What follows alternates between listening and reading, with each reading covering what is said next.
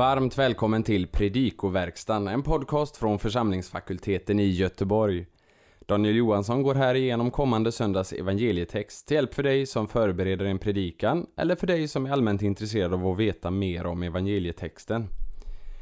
Vet du ännu inte vad du ska göra i höst? Då har vi ett förslag. Fram till den 25 augusti så är det möjligt att efteranmäla sig till studier på FFG. Och det gäller båda utbildningar som FFG erbjuder. Teologiskt basår på ett år, hel eller halvfart. Eller Bachelor i teologi och mission som är treåriga programmet. Kontakta mig, Henrik Andersson, genom att skriva till studiehandledare ffg.se eller genom att ringa 072 325 9470 så hjälper vi dig att ansöka. Och om det då är så att du överväger studier men tvekar inför att flytta till Göteborg så har vi möjlighet att ge dispens så att man kan delta första året på distans genom att följa lektionerna digitalt. Ta den chansen om du ännu inte vet vad du ska göra i höst. Men nu, en genomgång av kommande söndags evangelietext. Vi önskar dig god lyssning.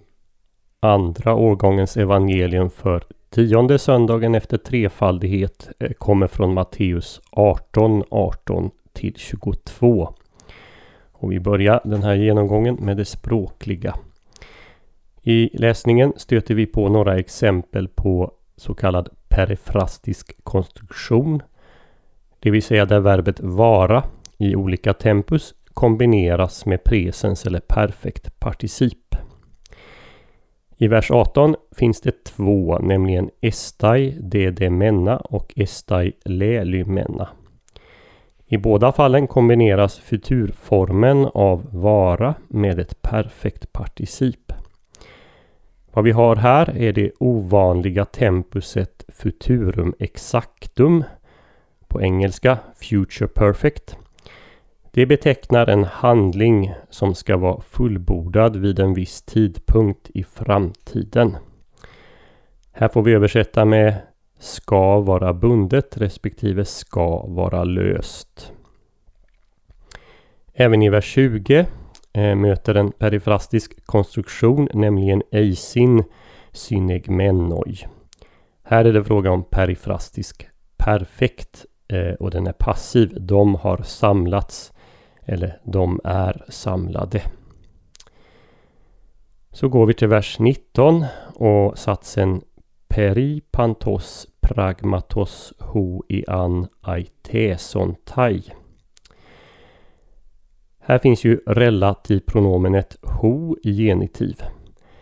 Det har fått sitt kasus på grund av attraktion. Det vill säga det har påverkats av föregående ord, pragmatos, som står i genitiv. Egentligen borde relativpronomenet ha stått i ackusativ eftersom verbet aiteo tar sitt objekt i ackusativ. Men genom attraktion till föregående ord så står det i genitiv. Det är ett fenomen som här och var dyker upp i grekiskan. Betydelsen av satsen är angående alla saker om vilka ni ber. Vers 21 Heos heptakis. Heos heptakis fungerar som en markör eller, eller vad ska jag säga om Heos, att det fungerar som en markör av en grad eller ett mått och markerar den övre gränsen ända till sju gånger. I inledningen till vers 22 noterar vi att vi har en historisk presens. Eh, jag har flera gånger påpekat att Matteus är sparsam med historisk presen. När han använder den som här, lägg ej autoho Jesus, så betyder det att han understryker något. Det ger vikt åt Jesus far. Kanske man skulle lägga till ett då för att få fram detta på svenska. Då sade Jesus till honom. Till sist en notis om eh, hebdomekontakis hepta.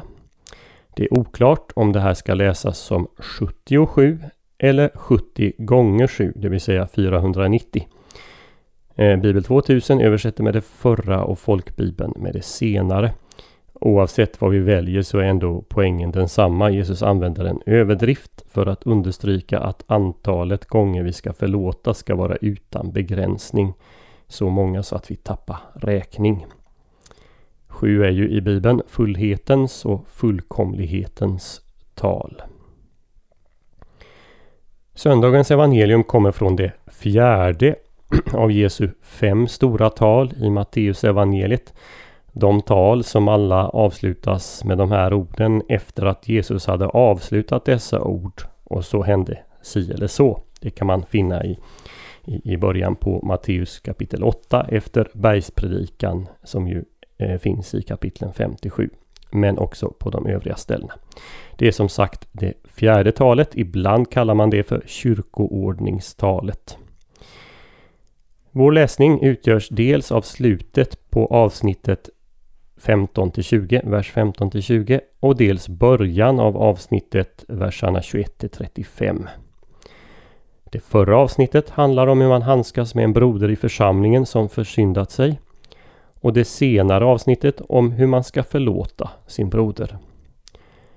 Det Jesus säger om att 77 gånger förlåta sin broder förklaras i den efterföljande liknelsen om tjänaren som ju inte förlät sin medtjänare. De här två avsnitten de binds samman av temat förlåtelse. Även om det grekiska begreppet afiemi bara används i den senare delen och då faktiskt hela fyra gånger. I vårt avsnitt i versen 21 och sen dyker det också upp i 27 och 32 och 35. I den första delen så talas det då mer eh, explicit om att binda och lösa från synd.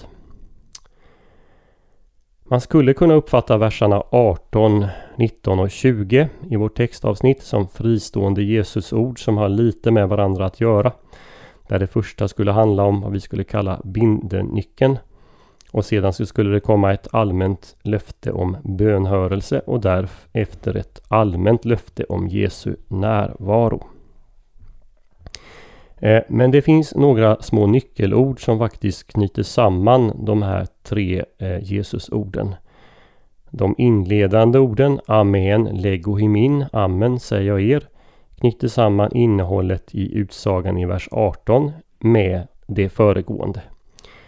Och på samma sätt sker genom konstruktion, eh, konstruktionen Palin leguhimin, åter säger jag till er i vers 19. Det knyter an till det föregående. Och så även inledande gar i vers 20 som ju betyder för eftersom. Så alla dessa tre ord hör samman med frågan om hur man ska hantera en broder som har försyndat sig. Och därför bör vi dela vår läsning i två delar när vi strukturerar den. Den första delen handlar om Jesu löften om gudomlig hjälp när synd i församlingen måste adresseras. Det är verserna 18 till 20. Och den andra delen, den nödvändiga obegränsade förlåtelsen av trosyskon, verserna 21 och 22. Innan vi eh, ser närmare på texten bör vi också uppmärksamma ramen inom vilken denna undervisning ges. Kapitel 18 börjar med att lärjungarna undrar vem som är störst i himmelriket. Jesu svar som sen följer, det vänder på perspektiven inte bara så att man ska vara som ett barn eh, för att komma in i Guds rike.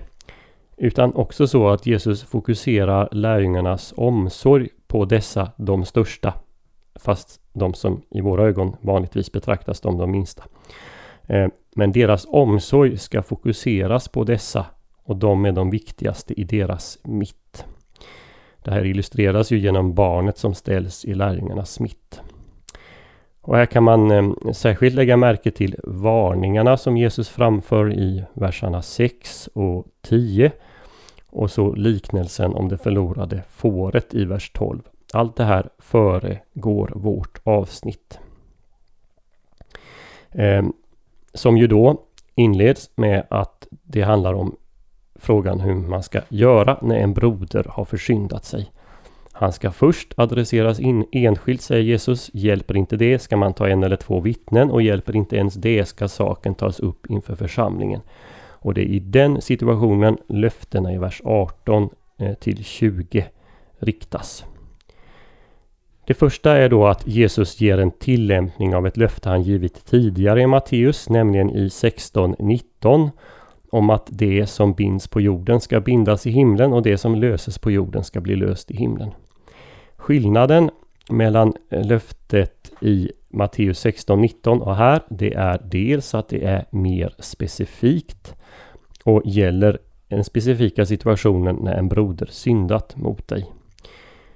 Och pluralformen ni här, allt vad ni binder, allt vad ni löser, det tycks samtidigt innebära att hela församlingen deltar i det som sker, inte bara församlingens herde så som är fallet i Matteus 16-19. Om den felande brodern förhoppningsvis ångrar sig uttalas den förlåtelse som redan ägt rum hos Gud. Kom här ihåg verbformen futurum exactum, att det är den som används. Det kommer att ha skett. Skulle brodern sorgligt nog inte ångra sig, ja då binds synd på jorden så som den redan är bunden hos Gud. Det är också mot denna svåra situation vi måste se Jesu löfte om bönhörelse. Det är inte frågan om att Gud ska höra vilken bön som helst som två kristna trossyskon kommer överens om. Utan löftet måste förstås i det sammanhang i vilket det står, nämligen omsorgen om de kristna syskonen i församlingens mitt. I vers 14 i det här kapitlet så har Jesus sagt att det är Faderns vilja att ingen av dessa minsta ska gå förlorade. Och för det tredje här då så lägger Jesus löftet om att han själv ska vara i deras mitt även om bara två eller tre är samlade i hans namn. Den här versen har ju flera implikationer. Först partikeln gar för eftersom det säger oss att det är på grund av gemenskapen med Jesus, hans närvaro, som Fadern hör våra böner. Det som Jesus lovat i föregående vers. Eh, för det andra, notera hur Jesus här faktiskt tar barnets plats i lärjungarnas mitt. I vers 2, 18.2 så har ju ett barn ställts i mitten. Nu i vers 20 är Jesus i mitten. För det tredje anknyter vers 20 till ett övergripande tema i evangelium 1, Matteus evangeliet, nämligen Immanuel-temat. Jesus är enligt Matteus 1.23 Immanuel, som ju betyder Gud med oss. Här i kapitel 18 lovar Jesus att vara med. Och det här löftet upprepar han i evangeliets sista vers. Jag är med er alla dagar. Det här leder oss eh, vidare till en kristologisk implikation. Jesus gör här anspråk på en allestädes närvaro. Vid den här tiden tänkte sig åtminstone en del judar att Herrens härlighet inte bara fanns i templet utan också där man studerade lagen. Det finns bland annat ett uttalande av en rabbi, Hanan, eh, Hanania, som dog 135 efter Kristus, och det här lite efter Kristi tid. Eh, men som är mycket likt Jesu ord. Eh, han ska ha sagt om två samlas och lagens ord talas, då finns härligheten hos dem. Så att man kan säga att Jesus här gör anspråk eh, på att ta den gudomliga Shekinans, den gudomliga härlighetens eh, plats. När så Jesus talat om hur man ska hantera en broder eh, som begått en synd så ställer Petrus en fråga som vänder på perspektivet. Hur många gånger ska man då förlåta den som begått en synd? Är sju gånger nog? Sju är ju fullhetens tal så vi ska nog inte uppfatta Petrus som snål. Men han är likväl inte tillräckligt generös. Poängen med Jesu överdrift 7 gånger 70 är att förlåtelsen ska vara obegränsad och han driver hem den poängen med liknelsen om den obarmhärtige tjänaren. En kristen måste alltid vara villig att förlåta brodern som ber om förlåtelse. Annars går man miste om Guds förlåtelse för egen del. Jesus avslutar hela talet med orden Så ska också min himmelske fader göra med er om ni inte var och en av hjärtat förlåter er broder. Så hoppas vi att denna genomgång får bli till hjälp och välsignelse för dig som har lyssnat. På vår hemsida www.ffg.se kan du hitta information om hur du kan stödja fakultetens arbete, bland annat som genom den här podcasten. Ett sätt att stödja är att skänka en gåva genom Swish. Församlingsfakultetens Swish-nummer är 123 100 8457. Alltså 123 100 8457. Mottagaren som anges är Peter Isak Bens utbildningsstiftelse. Märk gärna gåvan FFG Podcast om du vill stötta just denna podden. Så önskar vi dig allt gott och Guds välsignelse.